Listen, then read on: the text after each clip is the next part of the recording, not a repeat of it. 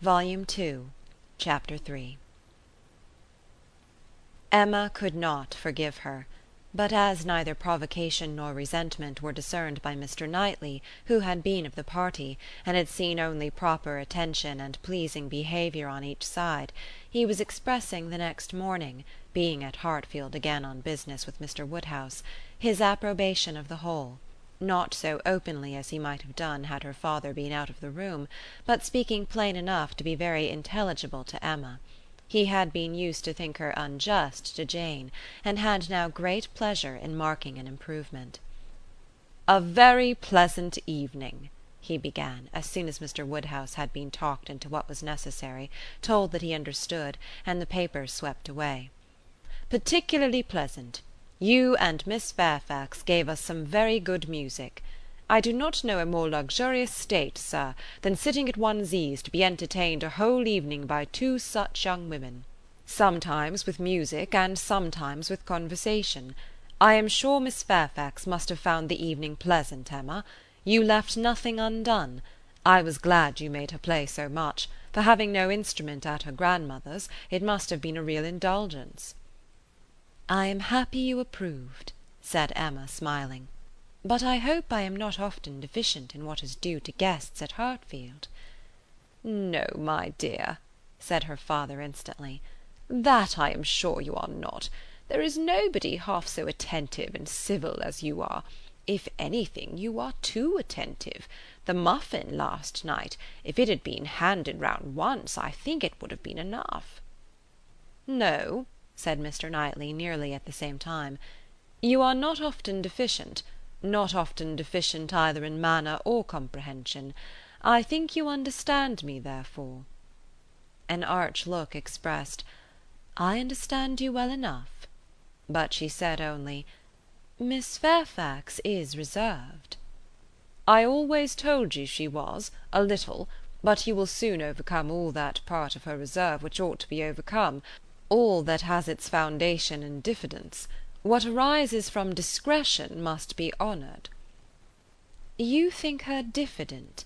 I do not see it." "My dear Emma," said he, moving from his chair into one close by her, "you are not going to tell me, I hope, that you had not a pleasant evening?" "Oh no. I was pleased with my own perseverance in asking questions, and amused to think how little information I obtained." "I am disappointed was his only answer. "I hope everybody had a pleasant evening," said Mr. Woodhouse in his quiet way. "I had. Once I felt the fire rather too much; but then I moved back my chair a little, a very little, and it did not disturb me. Miss Bates was very chatty and good humoured, as she always is, though she speaks rather too quick. However, she is very agreeable and Mrs. Bates too, in a different way. I like old friends; and Miss Jane Fairfax is a very pretty sort of young lady, a very pretty and a very well behaved young lady indeed. She must have found the evening agreeable, Mr. Knightley, because she had Emma." "True, sir; and Emma because she had Miss Fairfax." Emma saw his anxiety, and wishing to appease it, at least for the present, said, and with a sincerity which no one could question, "She is the sort of elegant creature that one cannot keep one's eyes from. I am always watching her to admire, and I do pity her from my heart." Mr. Knightley looked as if he were more gratified than he cared to express, and before he could make any reply, Mr. Woodhouse, whose thoughts were on the Bateses, said, "It is a great pity that their circumstances should be so confined, a great pity indeed; and I have often wished but it is so little one can venture to do, small trifling presents of anything uncommon. Now we have killed a porker, and Emma thinks of sending them a loin or a leg; it is very small and delicate; Hartfield pork is not like any other pork; but still it is pork.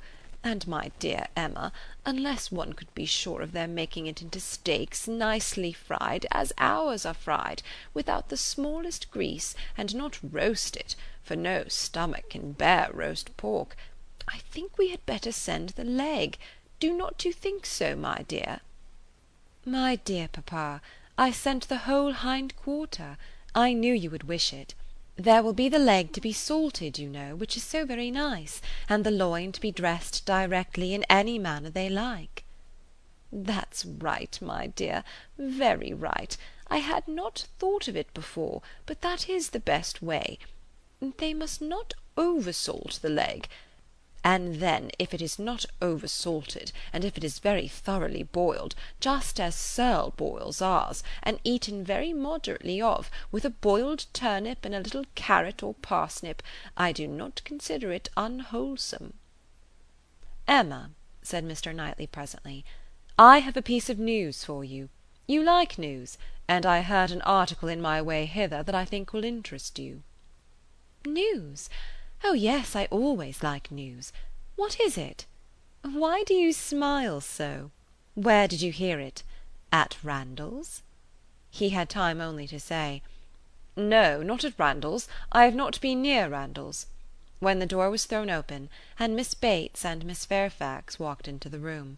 Full of thanks and full of news, Miss Bates knew not which to give quickest. Mr. Knightley soon saw that he had lost his moment, and that not another syllable of communication could rest with him. "Oh, my dear Sir, how are you this morning? My dear Miss Woodhouse, I am quite overpowered. Such a beautiful hind quarter of pork! You are too bountiful. Have you heard the news? Mr. Elton is going to be married. Emma had not had time even to think of Mr. Elton, and she was so completely surprised that she could not avoid a little start, and a little blush at the sound. "There is my news. I thought it would interest you," said Mr. Knightley, with a smile which implied a conviction of some part of what had passed between them. "But where could you hear it?" cried Miss Bates. "Where could you possibly hear it, Mr. Knightley? For it is not five minutes since I received Mrs. Cole's note. No, it cannot be more than five, or at least ten, for I had got my bonnet and spencer on, just ready to come out. I was only gone down to speak to Patty again about the pork. Jane was standing in the passage. Were not you, Jane? For my mother was so afraid that we had not any salting pan large enough. So I said I would go down and see, and Jane said, Shall I go down instead? For I think you have a little cold, and Patty has been washing the kitchen. Oh, my dear, said I. Well, and just then came the note. A Miss Hawkins, that's all I know, a Miss Hawkins of Bath. But, Mr. Knightley, how could you possibly have heard it? For the very moment Mr. Cole told Mrs. Cole of it, she sat down and wrote to me, a Miss Hawkins. I was with Mr. Cole on business an hour and a half ago. He had just read Elton's letter as I was shown in, and handed it to me directly.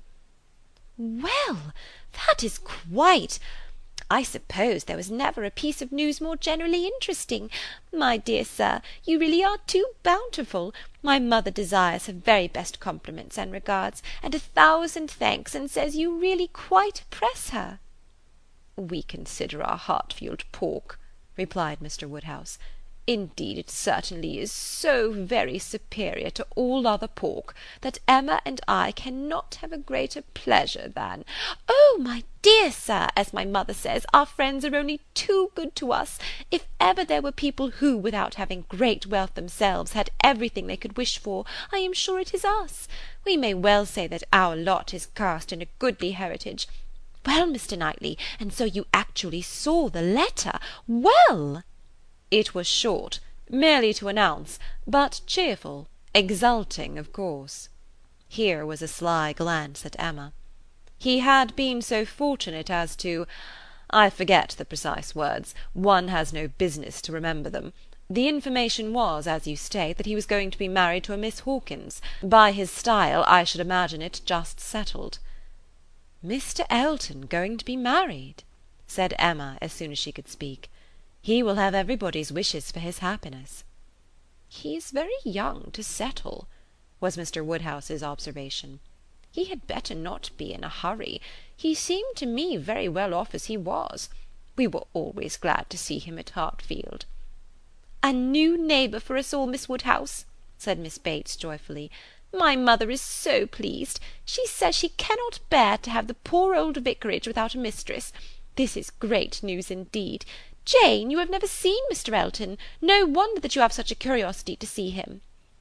Jane's curiosity did not appear of that absorbing nature as wholly to occupy her. "No, I have never seen Mr. Elton," she replied, starting on this appeal. "Is he–is he a tall man?"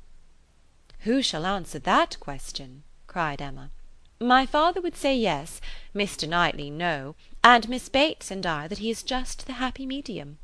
When you have been here a little longer, Miss Fairfax, you will understand that Mr. Elton is the standard of perfection in Highbury, both in person and mind."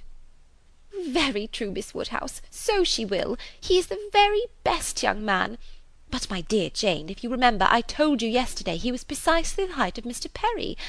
Miss Hawkins! I dare say an excellent young woman. His extreme attention to my mother, wanting her to sit in the vicarage pew that she might hear the better, for my mother is a little deaf, you know. It is not much, but she does not hear quite quick. Jane says that Colonel Campbell is a little deaf. He fancied bathing might be good for it, the warm bath, but she says it did him no lasting benefit. Colonel Campbell, you know, is quite our angel, and Mr. Dixon seems a very charming young man, quite worthy of him. It is such a happiness when good people get together, and they always do. Now here will be Mr. Elton and Miss Hawkins, and there are the Coles, such very good people, and the Perrys. I suppose there never was a happier or a better couple than Mr. and Mrs. Perry. I say, sir," turning to Mr. Woodhouse, "I think there are few places with such society as Highbury. I always say we are quite blessed in our neighbours. My dear sir, if there is one thing my mother loves better than another, it is pork, a roast loin of pork." "As to who or what Miss Hawkins is, or how long he has been acquainted with her," said Emma, "nothing, I suppose, can be known.